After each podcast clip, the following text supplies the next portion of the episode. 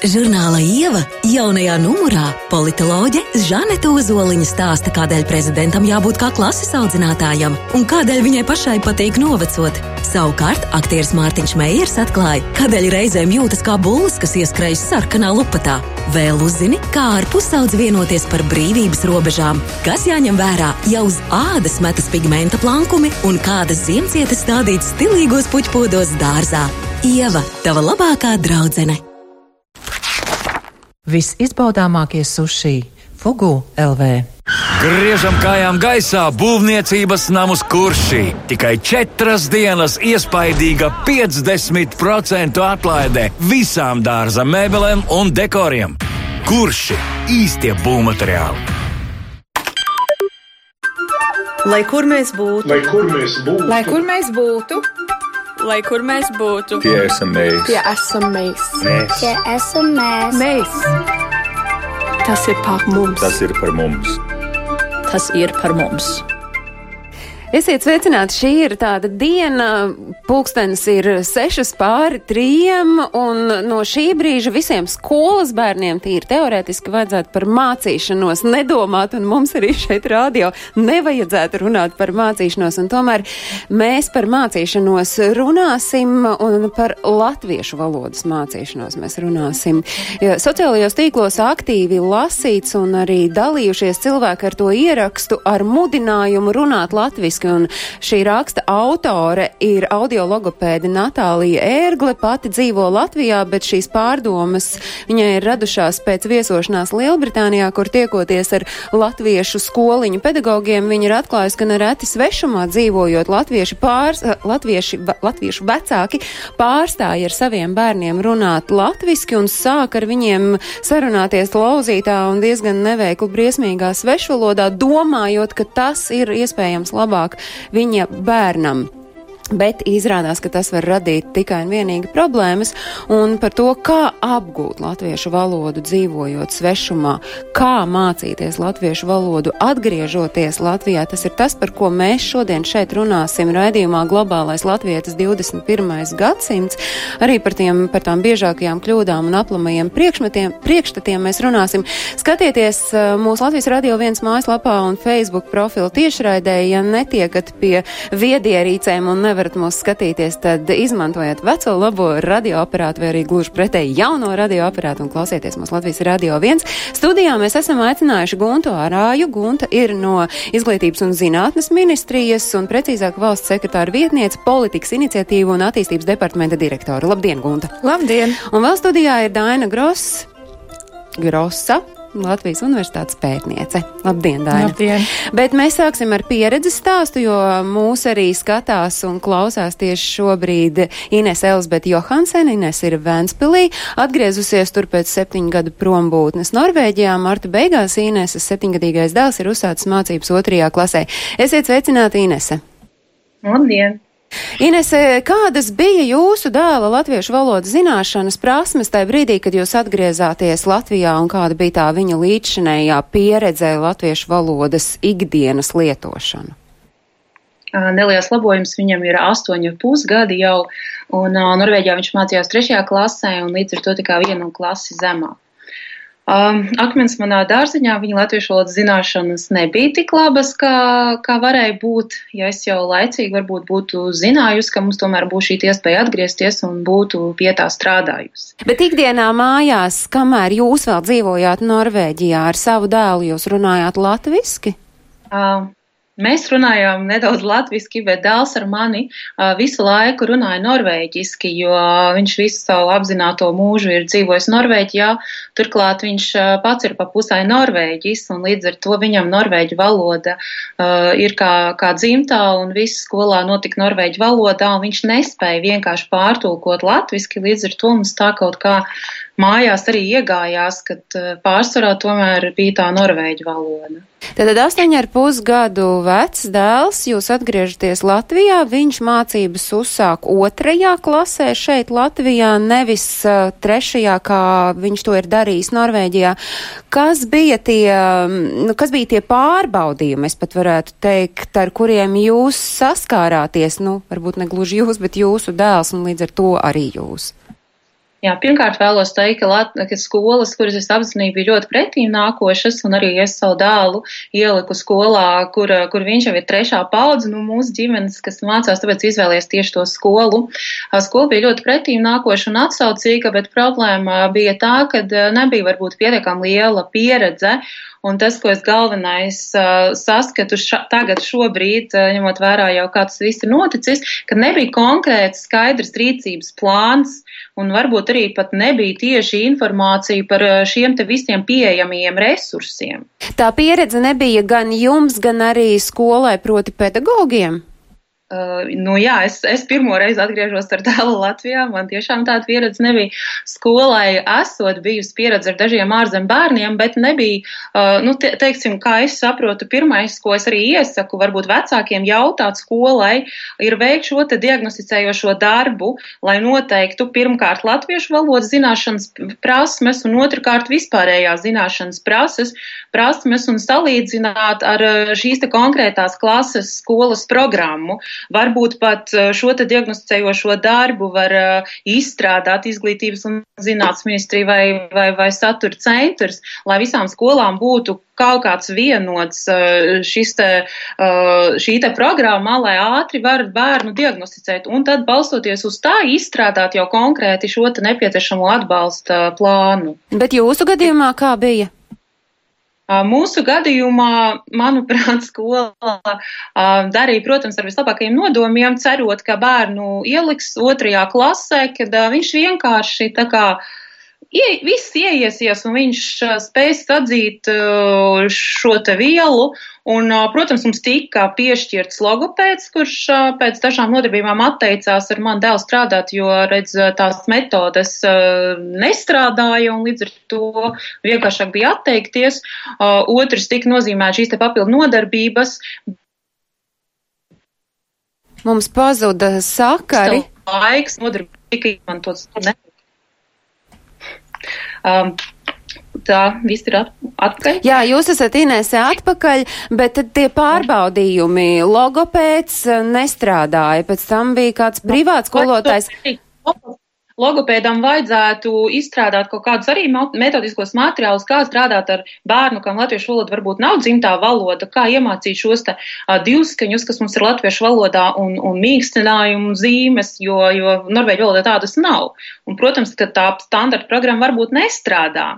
Tas ir viens. Otrakārt, šīs te papildu nodarbības netika, kā jau es teicu, pirms šīm te nodarbībām netika noteikts viņu, viņa zināšanu līmenis, ne valodas, ne, ne, ne matemātikas vai citu priekš, citos priekšmetos, un rezultātā viņam papildu nodarbība, kā arī māma iepriekšējā jūsu raidījumā minēja, ka papildu nodarbības bija tādas pašas, kādas, kādas tās būtu latviešu bērnam, kas varbūt sliktāk, kam sliktāk veicas latviešu valodā.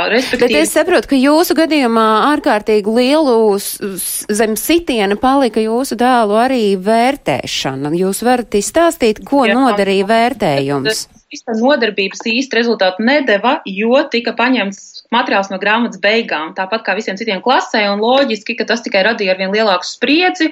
Uh, plus vērtējumos nekādas atlaides netika pielāgotas, jo tika tas pasniegts, ka citādāk nevar, jo likumi tā nosaka un likumi netiek nekā interpretēti.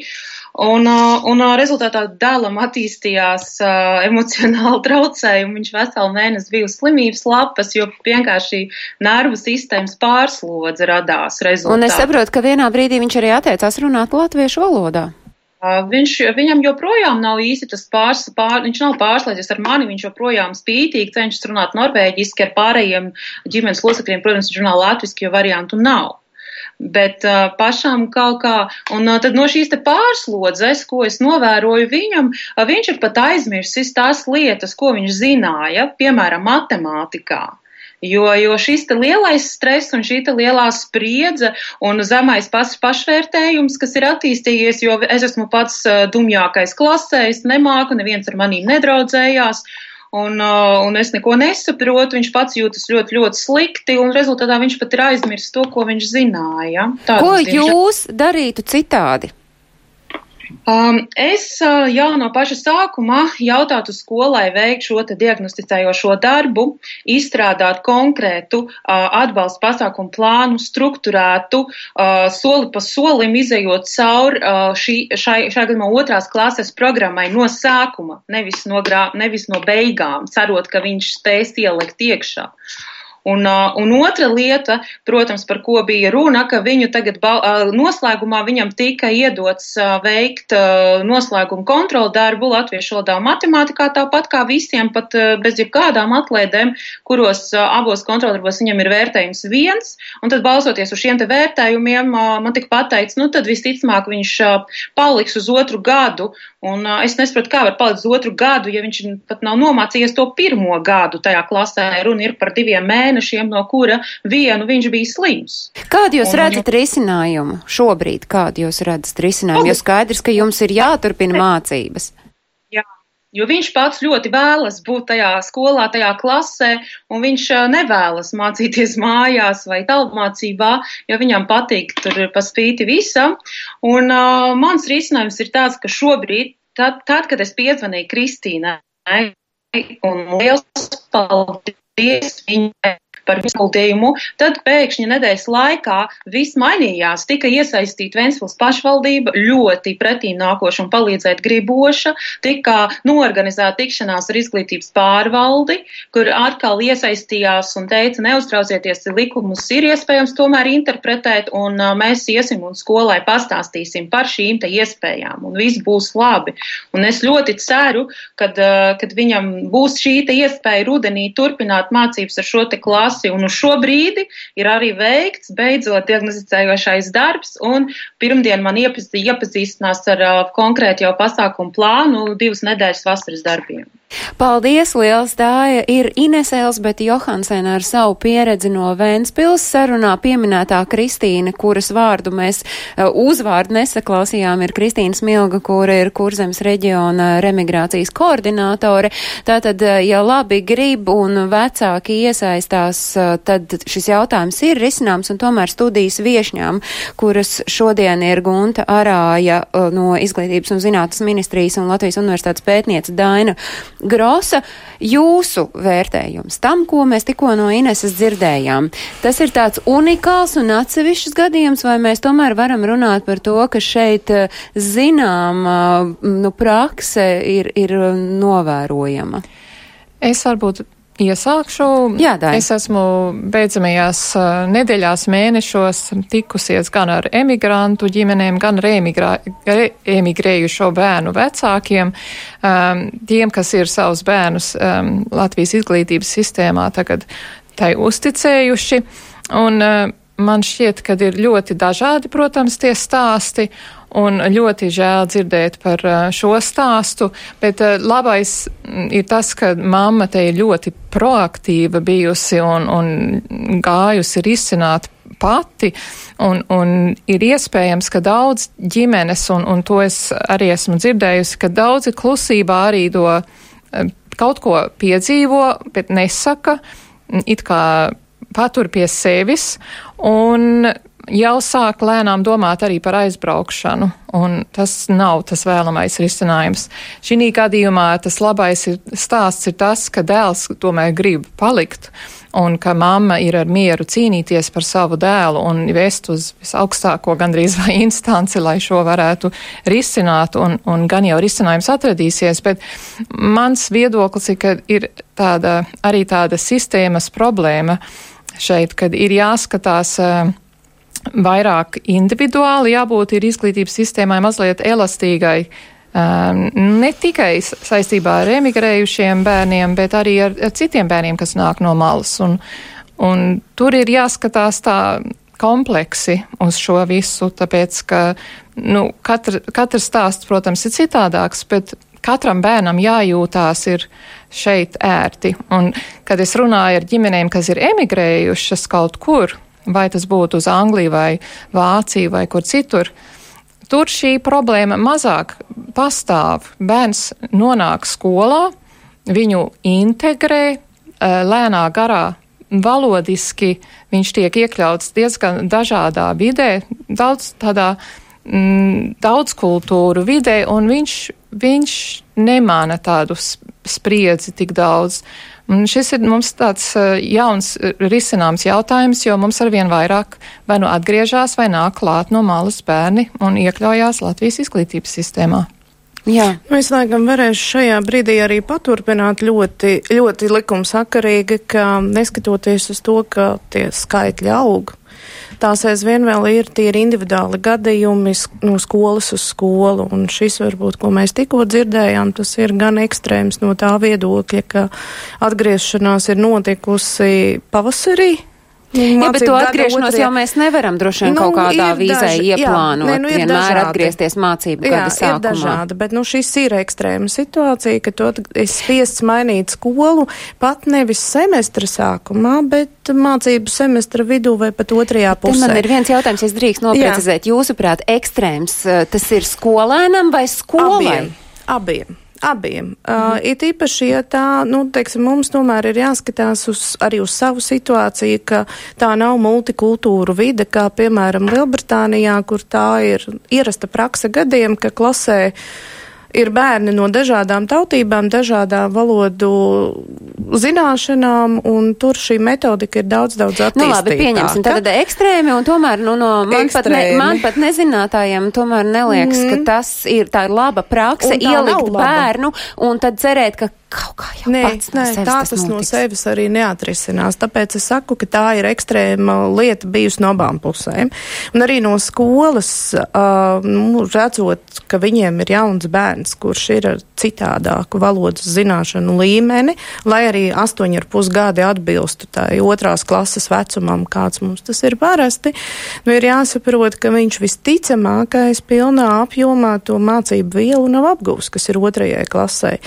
Un viņš arī nevarēs, pat ja viņš matemātikā rēķināt prot, viņš latviešu valodā šos skaitļus nepazīst, nezina latviešu valodas vārdus, un viņam, nu, ar viņu ir jāstrādā savādāk. Kas man varbūt mazliet tiešām pārsteidza, ka, uh, nu, nekāda veida diagnosticējošās darbības netika veiktas šajā ja tam brīdī. jābūt pirmajam, kam ir, jānotiek, jā? Jā, bet uh, tas ir tas, kas ir viens no normatīvā regulējuma pamatu uzdevumiem, ka skolai ir jānosaka saka, Mums nav vienota valsts diagnosticējošā darba, kā te tika minēts, jo savukārt ir citi vecāki, kuri saka, nē, manu bērnu jūs netestēsiet. Nu, tad tā ir vai nu tā ir sāruna, vai nu tā ir rotaļu nodarbība. Nu, tas ir veids, kādā tu saproti, cik šis jaunais cilvēks brīvi vai cik nebrīvi zina to, kas viņam būtu jāzina atbilstoši Latvijas programmai otrajā klasē un kādas ir tās viņa sajūtas. Un tas varbūt tāds mazliet tiešām pārsteigums, jo, jo meta, un otrs pārsteigums, jāsaka, kā ir skola redzot, ka viņiem nav šo zināšanu un prasmju, ka viņi nekur uzreiz nevērsās un nemeklēja palīdzību, bet ļāva pabeigt mācību gadu ar diviem vieniniekiem vienīgajos priekšmetos, ko otrajā klasē vērtē. Un tā ir latviešu valoda un matemātika, jo pārējos visos ir nu, Kā jūs redzat, kā vajadzēja rīkoties, lai citi uz šī paša grābekļa neuzkāptu, nu, put, put, bet jā, nu, nu gadījumā? Vai, nu, nu, tā tad bija laikam tomēr mazliet jāatzīst, ka nav šīs pieredzes un, un jāatzīst tas, ka nu, nemākam mēs ar šādu, ja tādi. Ja bet neviens tā, jau negrib atzīt savas neviens kļūdas. Neviens negrib atzīt, jā, bet nu, tā kļūda izvēršas tajā stāstā, ko mēs tikko dzirdējām. Nu, vai nu, vai nu tad, tad bija uzreiz jāmeklē šī palīdzība, jo tieši tā, kā jau pēc tam minēja, tad var, ir gan iespējas no citām skolām, kurām ir lielāka pieredze šīs diagnostikas metodas iemācīties, ir iespēja saņemt at metodisko atbalstu, kā strādāt. Ir ļoti daudz daudz dažādi veidi, ko var dabūt, bet tas, ko mēs redzam, atbalsta veidi, bet tas, ko mēs redzam, ka kamēr viens tāds bērns nestāv pie skolas durvīm, skola proaktīvi uz to reti kad gatavojas. Un nesaka, ka mēs būsim tā skola, kura būs gatava. Nu, bet ir taču skolas, kuras ir gatavas vai vismaz spēr šos soļus, Jā, bet, nu, lai, tā, lai... Tā, nu, teiksim, tādas ir un tādi ir labie piemēri un tie ir cilvēki, kas var arī ar savu pieredzi vai... dalīties ar citiem un mācīt. Vai vēlamais viņus. nebūtu, ka katra skola kaut cik būtu gatava uzņemt bērnus no. Nu, tas būtu vēlamais, bet uh, mums jau ir šis piedāvājums šobrīd vairākus gadus, kad skolotāji piesakieties uz tālāk izglītības bet tā, bet tas ir skolotāju pašu iniciatīva Jā. apgūt prasmes, Jā. nu es nezinu, šajā gadījumā mēs varam teikt apgūt prasmes latviešu valodu mācīt kā svešvalodu. Tāpat nav latviešu valoda kā svešvaloda, tas ir vēl mazliet savādāk. Mēs tagad esam sākuši nonākt pie tā, ka vienai daļai šī ir, nu, sauksim tā, nu, pat ir tādi, kam tā ir tā saucamā etniskā mantojuma valoda, kas vispār ir trešā, ceturtā paudze un kuri vēl savādāk viņu zina.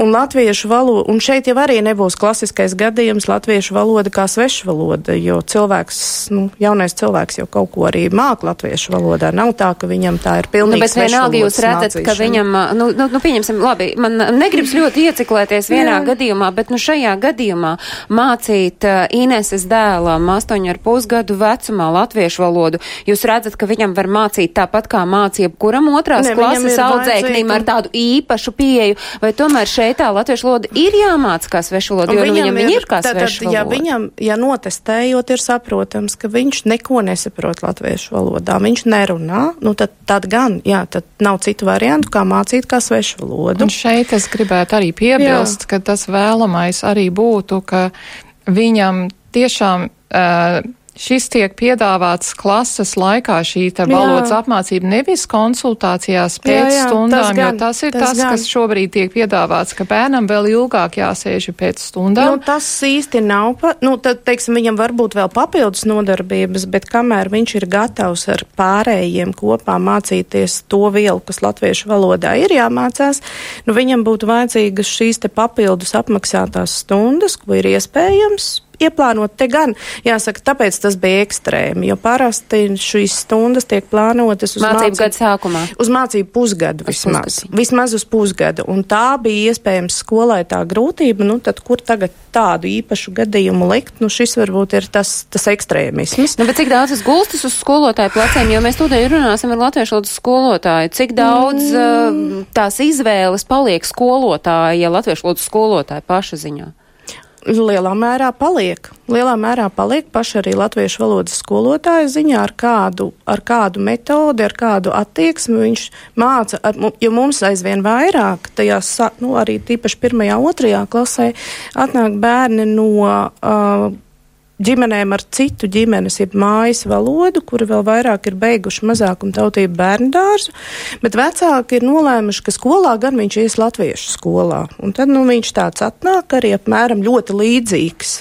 Tad jau principā nevajadzētu Jā, būt ne unikāli, ne ekstrēmi. Daudz, nu. Viņa nav ļoti daudz, bet atnāk. Un tieši šī iemesla dēļ mēs šobrīd esam eh, sazinājušies un telefoniski mūsu raidījumam pievienojas Lita Silova, Rīgas Franču liceja latviešu valodas un literatūras skolotāja. Labdien, Lita! Labdien! Un uh, milzīgs paldies, ka jūs esat piekritusi sarunai, jo, ticiet, man nav tik vienkārši uh, sadzīt ar uguni rokā skolotājs, latviešu skolotāji, kuri būtu gatavi dalīties savā pieredzē par to, kā tas ir mācīt latviešu valodu ārlatviešiem. Kāda ir tā jūsu pieredze? Izstāstiet.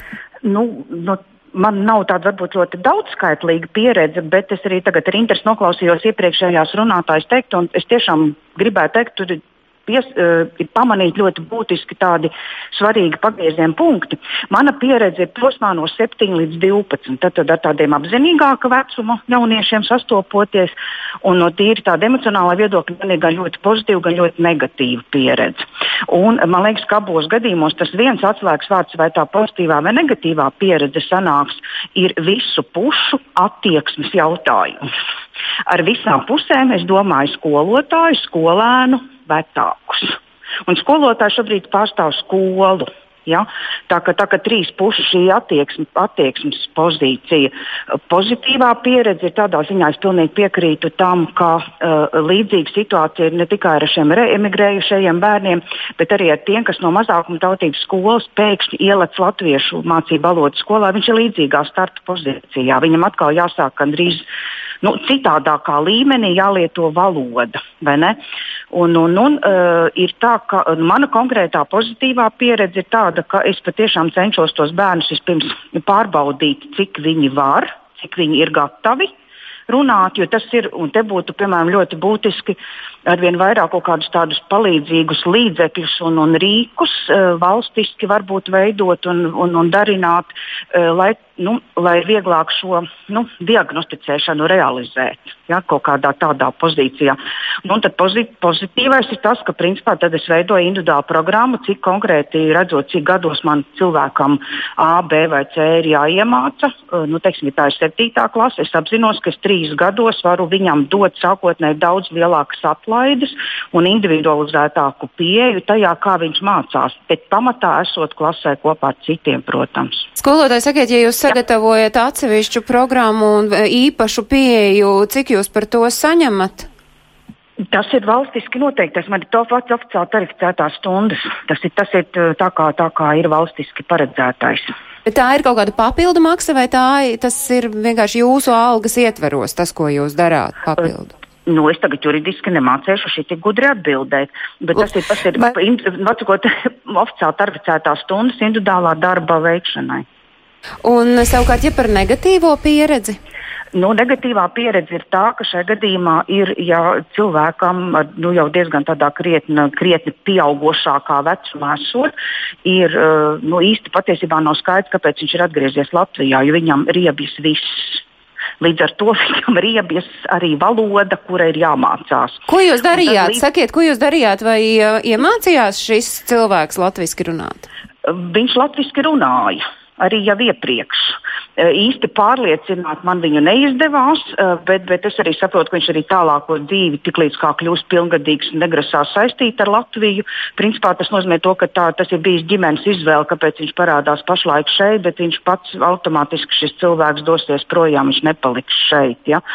Bet, bet, bet eh, pašlaik, pašlaik nemāku atbildēt, bet katrā gadījumā arī viņam tika piedāvāta līdzīga šī pozīcija ar, ar, ar piesaistot arī vēl kolēģi, kas varēja arī, arī konsultācijās papildus mācīt. Faktiski tur mēs divi pedagoģi sadarbojoties, mēģinājām sadarboties. Bet nu, tas jau joks ir tajā, ka, ja ir pozitīva attieksme un gribas, tad var ļoti, ļoti daudz. Ar bet to piebildi, ka grib visi, visas jā, iesaistītās puses, bet protams. sakiet, kas ir nepieciešams, jā. lai tomēr to jūsu darbu uzlabotu, un nu, šobrīd, kur tad jūs tos materiālus ņemat, ar kuriem strādāt, ja jūs sakāt, ka vajadzētu valstiski izstrādāt gan to, kā, kādiem rīkiem diagnosticēt, gan arī iespējams, kā strādāt tālāk ar šiem nu, skolēniem? Nu, visvairāk šos rīkus šobrīd izmantoju un, un, un materiālus patiešām sadarbībā ar Latviešu valodas aģentūru. Pirmkārt, es arī gāju uz tādiem diezgan apjomīga stundu skaita ziņā kursiem tieši ar, ar skolotājiem, kas strādā ar, ar šo te nu, reemigrācijas programmu ietvaros un visā citādi. Tie patiešām man aizpratnē bija veiksmīgi kursi, un tur es arī tādu ierosmi sadzirdēju arī no citu skolu kolēģiem, kā kurš kā veido un, un, un šos te materiālus un tam līdzīgi.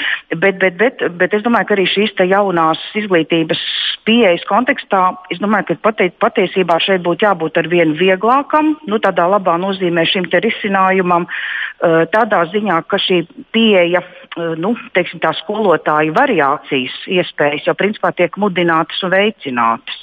Sakiet, vēl pēdējais noslēdzošais Jā. jautājums, kāpēc jums to ir svarīgi darīt? Jūs taču varētu droši vien lūgt, lai kāds cits kolēģis tiek ar tiem skolēniem galā, kuriem latviešu valoda, nu, varbūt daļai kā svešu valoda arī ir jāmāca. Nu, bet, pirmkārt, es esmu latviešu valodas skolotāja, otrkārt, es esmu savas, savas valodas un savas, savas būtības, pēc būtības patriote. Konkrētajā gadījumā, kas man šī pozitīvā pieredze, tās meitenes ir mana audzināmā klasē, man ir svarīgi, lai viņas iejūtas. Ja? Un, un, un e, lai, lai cilvēkam ar pasaules pieredzi vai ar, teiksim, ar pieredzi pārējot no mazākuma tautības skolas un teiksim, vienu gadu tikai mācoties šajā mūsu kopīgajā klasē, man patiešām bija prieks pavasarī sarunā, individuālā sarunā ar meiteni viņas māmu trietā, ka viņa saka, jā, šī ir viņas skola. Nu, bet, nu, tas ir lieliski. Un tad cilvēks, es apzinos, ka ir gadu laikā gan mazinājis akcentu, gan visu citu. Un kad, kad, kad tā iesaistīšana man ir, man ir būtiska. Trešām kārtām man ienāca prātā viens tāds labs piemērs, ka tajā gribēšanā un pozitīvajā attieksmē ļoti, ļoti daudz no svara. Kā e, konkrēts piemērs, ka e, nu, da, mēs, mēs, protams, esam dažādas tautības, nācijas un visādi, bet konkrētais piemērs ir par ķīniešu vēlmi un, un, un varēšanu. Jo es pilnīgi konkrētu piemēru. Zinu, ka cilvēks trīs mēnešos var iemācīties latviešu valodu ķīniešu meiteni tā, lai startētu pirmajā klasē skolā latviešu mācību valodu bez nekādas aizķeršanās. Paldies jums liels! Paldies! Tā bija Lita Silova, Rīgas Franču licēja latviešu valodas un literatūras skolotāja. Lita, lai jums ir brīnišķīgs šis viena darba cēliena noslēgums, lai skolēni atpūtušies atkal nāk visu 1. septembrī atpakaļ un paldies par to, ko jūs paldies. darāt. Bet uh, jūs varat ieskicēt, mēs tur to, man nepatīk skatīties citu cilvēku makos un tomēr, mm -hmm. vai mhm. šis ir tiešām tikai tāds skolotāja mm. uh, sirds darbs un par to nē, viņš nesaņem atalgojumu vai tomēr tur Mums ir... ir pat normatīvais regulējums, kas pasaka, ka par šādu darbu var maksāt papildus un tarificēt papildus stundas skolotājiem, kas ir šis individuālais darbs šajos gadījumos. Un arī citos gadījumos, kas ir saistīti ar kaut kādām mācīšanās grūtībām, bet atsevišķi ir, iz, nu, šis te ir izcelts kā viens no, no papildus samaksas uh, iespēju veidiem. Tāpēc jau ir tā, ka jo laicīgāk tas process notiek, jo vienkāršāk ir visām pusēm to ieplānot, jo skola savu pieejamo naudas apjomu arī rēķina uz to. Nu, sadala jā, jau, jau jā, mā, pusgada pusgadā. Sākumā. Jā, Bet, pusgada nu, kā mēs dzirdējām, skolotāja no Rīgas uh, Franču liceja, viņa varēja šo darbu darīt iespējams no nu, ar tādu uh, lielākām prasmēm, tāpēc, ka viņa bija apmeklējusi Latviešu valodas aģentūras rīkoto apmācību. Jā tā ir pieejama jebkuram skolotājam, jebkuram. tā ir arī kaut kāda, nu, es nezinu, skolotāja darba, tad pēc tam, nezinu, vai no atalgojumā vai jeb, jeb kā citādi, tam ir kaut kāda jēga, vai tā ir vienkārši tāda skolotāja pašiniciatīva, un cik, cik un kur un cik, cik bieži tie mm. notiek? Tad, tur ir tā, ka kurs tiešām ir pieejami ikvienam skolotājam, un pat ir bijuši gadījumi, kad, ja skola konstatē, ka viņiem nākamajā mācību gadā būs šāds gadījums, gadījums un pat vairāki, jo parasti atgriežas ģimene, tad tur mēdz būt vairāki bērni, kuri katrs mācās savā klasē un ir katrs ar savu zināšanu līmeni, tad var pat pasūt, nu, tā kā pieteikt un, un, un, un palūgt organizēt arī individuāli tieši priekš šīs konkrētās skolas paredzēt šo mācību kursu. Un cik aktīvi skolas izmanto gan, gan tās, kuras, kursus, gan Tās, kuras zina, ka viņiem šī situācija būs un ka viņiem tas būs jādara, tad tās izmanto aktīvi. Nu, jāsaka tā, ka mums tas pieprasījums ir īpaši pēdējos gados, viņš pieaugies vien un aizvien vēl. Un cik daudz tomēr savukārt, jā? Jā, bet savukārt tie, kuri domā, ka tas uz mani nekad dzīvē neattieksies un man nebūs šī situācija, nu tie, protams, arī varbūt intereses pēc, jo, jo šādu kursu certifikāts kaut ko dot tajā kopējā tālāk izglītības apjomā, kas tiek katru, nu, noteiktā periodā katram skolotājiem ir jāaiziet, bet, bet tādā ziņā, nu, teiksim, tas uzreiz viņa algu nepaceļ, ja viņam nav šis konkrētais gadījums, par kuru tad ir Bet, jā, bet ja mēs, teikt, jā, lūdzu. Es gribētu izteikt tādu ķecerīgu domu, ka varētu kaut kādu tomēr moduli skolotājiem, jauniem skolotājiem mācoties iekļaut arī šo te starpkul, starpkultūru tādu uh, iespēju mācīt tādā starpkultūru kompetences, kā arī mācīt eh, tomēr latviešu valodu kā svešvalodu, lai viņiem katram skolotājiem, kas nāk cauri jaunais, viņam tomēr būtu kaut kādas iemaņas tieši šajā jomā. Vai Tas... varbūt iespēja varētu? Jā, tas, jo mēs šobrīd tieši esam sākuši domāt par to, kā pārstruktūrēt un pārveidot uh, pedagoģu izglītības programmas. Labi, jūs sākuši domāt, ko tas nozīmē, tas nu, kad nozīmē, mēs varam skatīties uz rezultātu? Tas nozīmē, vai... ka mēs sākām ar īsajām programmām, kuras tātad jau jaunā izskatā tām vajadzētu iet uz akreditāciju jau šogad, rudens pusē, savukārt četrgadīgā, ja, nu tā, tā sauktā garā programma, tas ir mazliet ilgāk. Un, un, un, un, jo jāpārstruktūrē ir vairāk, un šis iespējams varētu būt vēl viens no papildus elementiem, ko mēs arī tad, uh, tur integrējam. Jo mēs šobrīd tas, kas mūs interesē, ir, nu, ir bijis līdz šim jau tajā sarakstā, ir saprotot, ka mēs vidējās izglītības līmenī esam pārgājuši tikai uz mācībām valsts valodā. Tātad tam skolotājam būs jāspēj vienā klasē savstarpēji savienot un, un integrēt vienotā kolektīvā gan bērnus, kas nāk no latviešu, tātad skolas ar latviešu mācību valodu, gan no mazākumtautības skolas. Gan arī iespējami kāda, gan nu, arī kurš ir ārlatvietis. Kurš un ir tieši iemesla dēļ es tieši šobrīd gribu mūsu sarunā iesaistīt Londonas latviešu skolas latviešu valodas skolotāju Daci Alī. Sveicināti, Dace! Sveiki! Nu, tad eh, jūs esat eh, nu, viens tāds brīnišķīgs piemērs, lai, lai izstāstītu, kā tad tādā multikulturālā vidē, vidē, kur iespējams eh, runāt trijās, divās, minimums trijās, varbūt pat vairāk valodās, tomēr panāk to, ka latviešu valoda uh, tiek apgūta. Nu, kādi ir tie, varbūt novērojumi arī ar kādām grūtībām saskaras tie, kuri latviešu valodu apgūst dzīvojot tādā daudzvalodu vidē?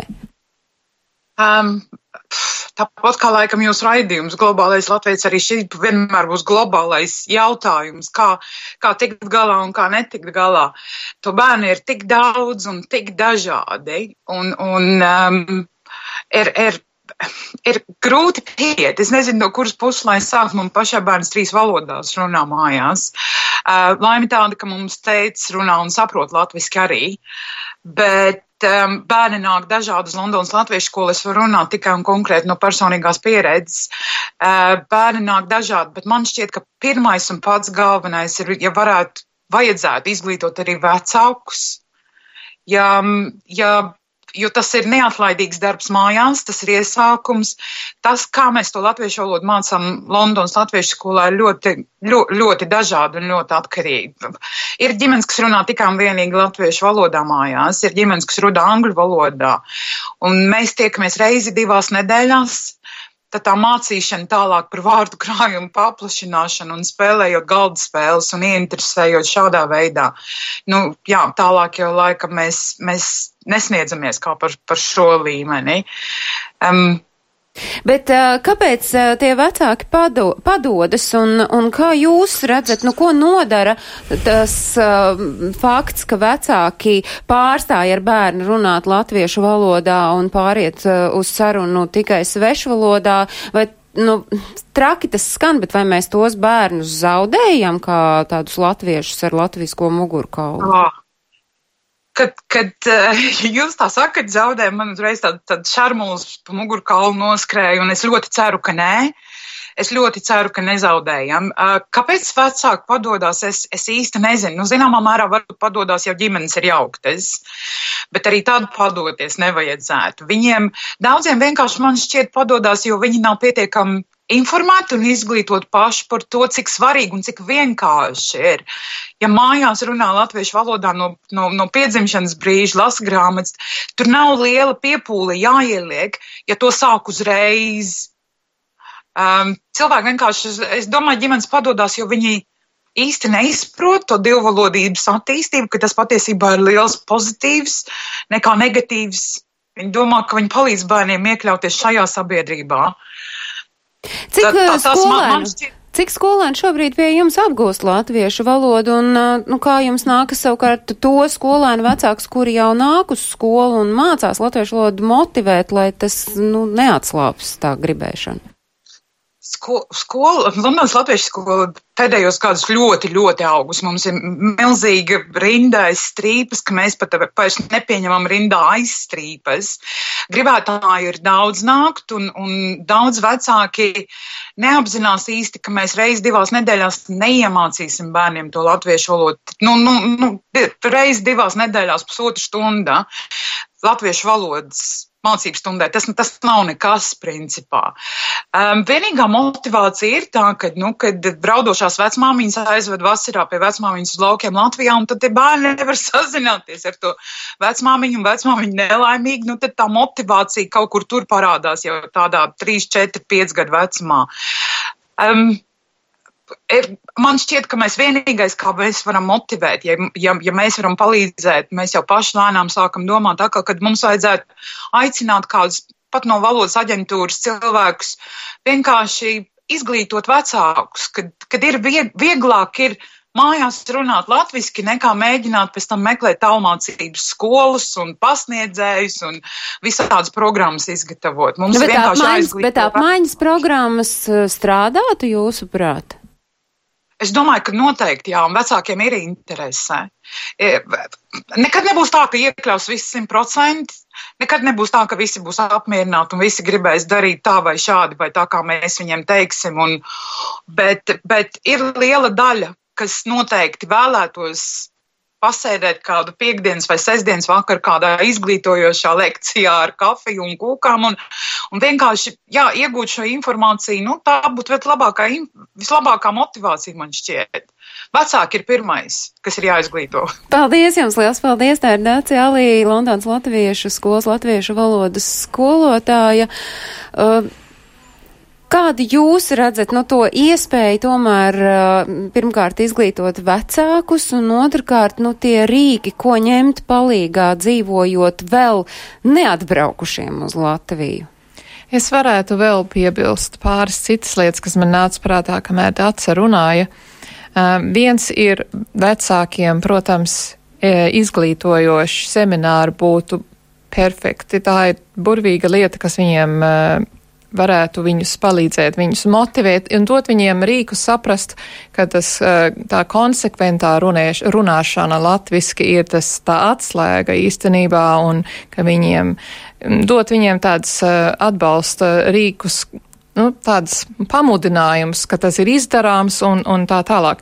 Bet vēl papildus, ko es gribētu piebilst, ir, kad es zinu, ka ir ģimenes, kas ir ļoti nopietni piegājušas šim te uh, un uh, pat algojušas auklis ģimenē, nu, ja viņām ir um, iespēja viņas algot, un, un tas ir ļoti palīdzējis, bet ne jau visi to var atļauties.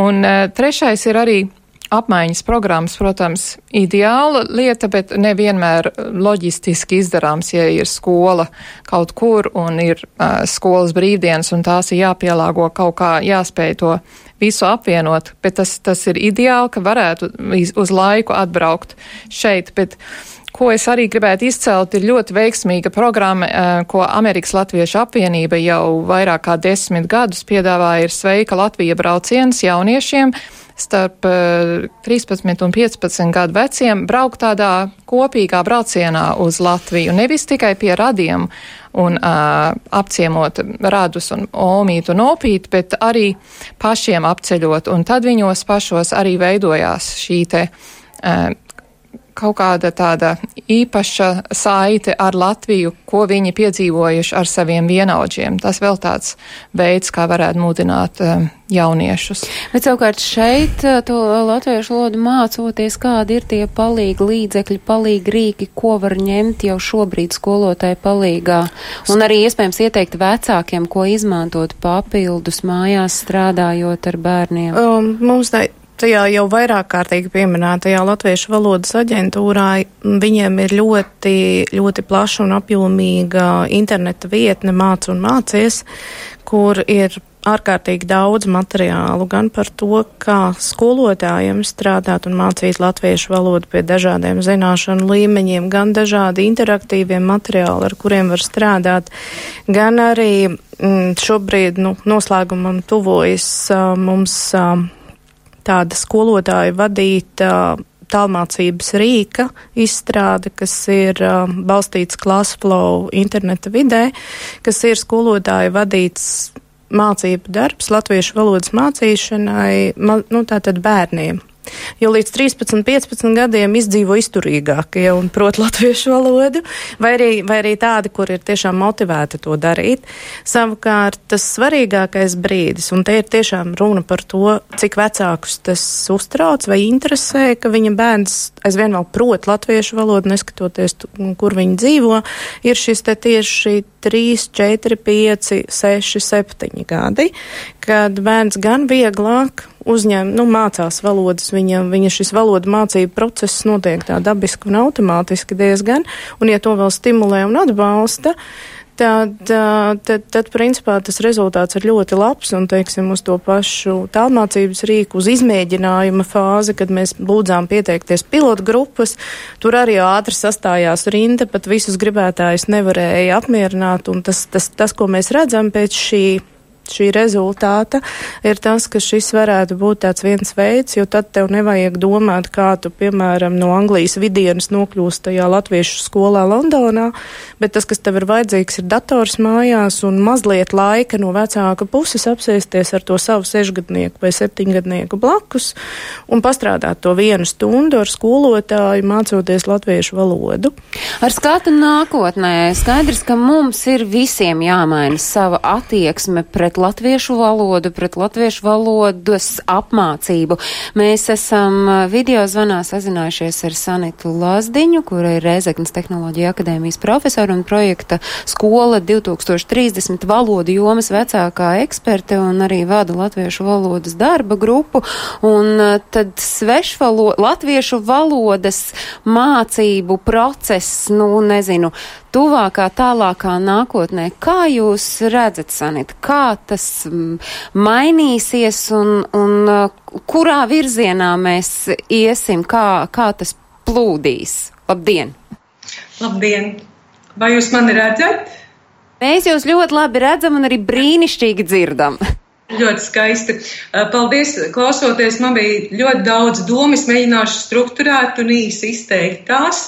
Tad pirmkārt, es gribētu uzsvērt vienu vienkāršu lietu, ka skola nav elitārs klubiņš pie kura durvīm stāv kāds ar rāmi un izmēra vai parametriem atbilst bērns, lai ieiet šajā skolā. Tas ir tas, ko klausoties man nāk prātā, ka Skola ir ikvienam bērnam. Ja, ja mēs runājam par Latvijas skolu, tad neatkarīgi vai tas ir tikko atgriezies no ārzemēm, vai tas ir mazākuma tautība bērns, kas tepat ir dzimis, uh, tad, tad tai skolai ir jābūt tik iekļaujošai videi, ka, ka jebkuram bērnam ir tiesības ienākt skolā un mācīties. Otra lieta, ko es gribētu uzsvērt um, par uh, vecāku atbalstu. Uh, Nu, pat uh, pirms nedēļas sestdiena man bija uzaicinājums Salaspils, uh, uz Salaspils skolu, uh, ve, vecāku klubiņš. Tie ir vecāki, kas ir no bilingvālu bērnu vecāki vai tikai krieviski runājoši bērnu vecāki, bet kura bērni tūlīt sāks iet pirmajā klasē latviešu skolā, skolā ar latviešu mācību valodu. Un Latviešu valsts aģentūra tādu kā pilotu projektu veidoja visa gada garumā bērni Šie pirm, pirm, pirmsskolnieki praktizējās, mācījās latviešu valodu, bet speciālisti runāja ar vecākiem, deva konsultācijas, kā labāk. Un šajā sestdienā es arī dalījos vairāk kā mamma savā pieredzē. Un es redzēju, cik daudz vecākiem ir vienkārši jautājumi, vai tas ir labi, ka ir divas valodas ģimenē, vai tas ir labi, ka ir dzimtās valodas, kā, ko mums darīt, lai bērns labāk iekļautos. Un, manuprāt, šāda mēroga pasākums uh, atbalsts vecākiem ir nepieciešams visā valstī. Tas nav tā, nevarētu palikt pilotu projekta līmenī. Tas, tā, tā ir viena lieta. Uh, jo, jo vecākiem, vecāki nav valodnieki, visi vecāki nav izglītības eksperti, vi, viņiem trūkst tādu elementāru padomu.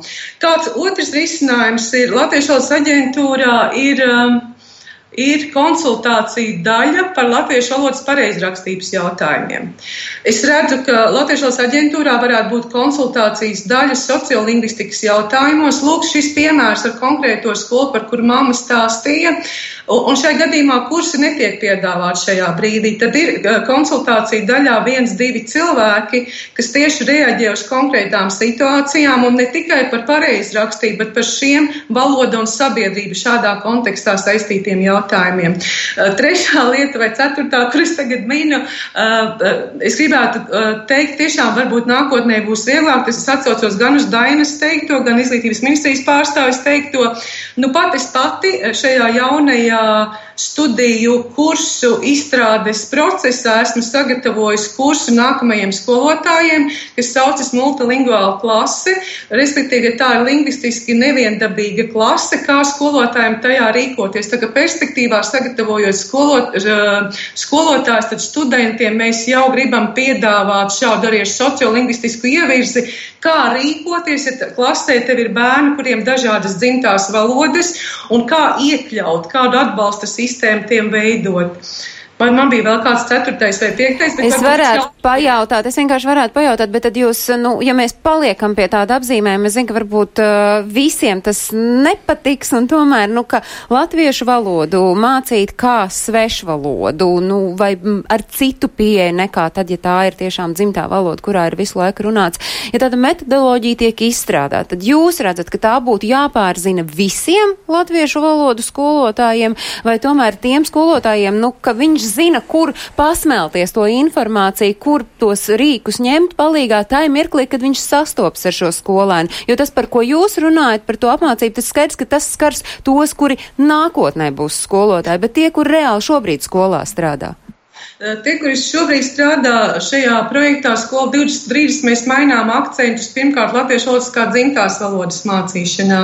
Ko tas paredz? Tas paredz, ka mēs mācām kā dzimto valodu, bet tomēr, ka viņi saprot, kāpēc ir noteikts kategorijas, kāpēc ir noteiktā nenoteiktā galotne vai vairāk uz, uz jēgu virzīts, nevis, ka mēs iemācām, ka viņi atstāsta, cik ir palīgteikumu veidi, bet kāpēc, ka pamatojumu mēs izsakām ar to latviešu valodā un tāpēc lietojam jautājumu, jo tāpēc, kā vai kā citādi.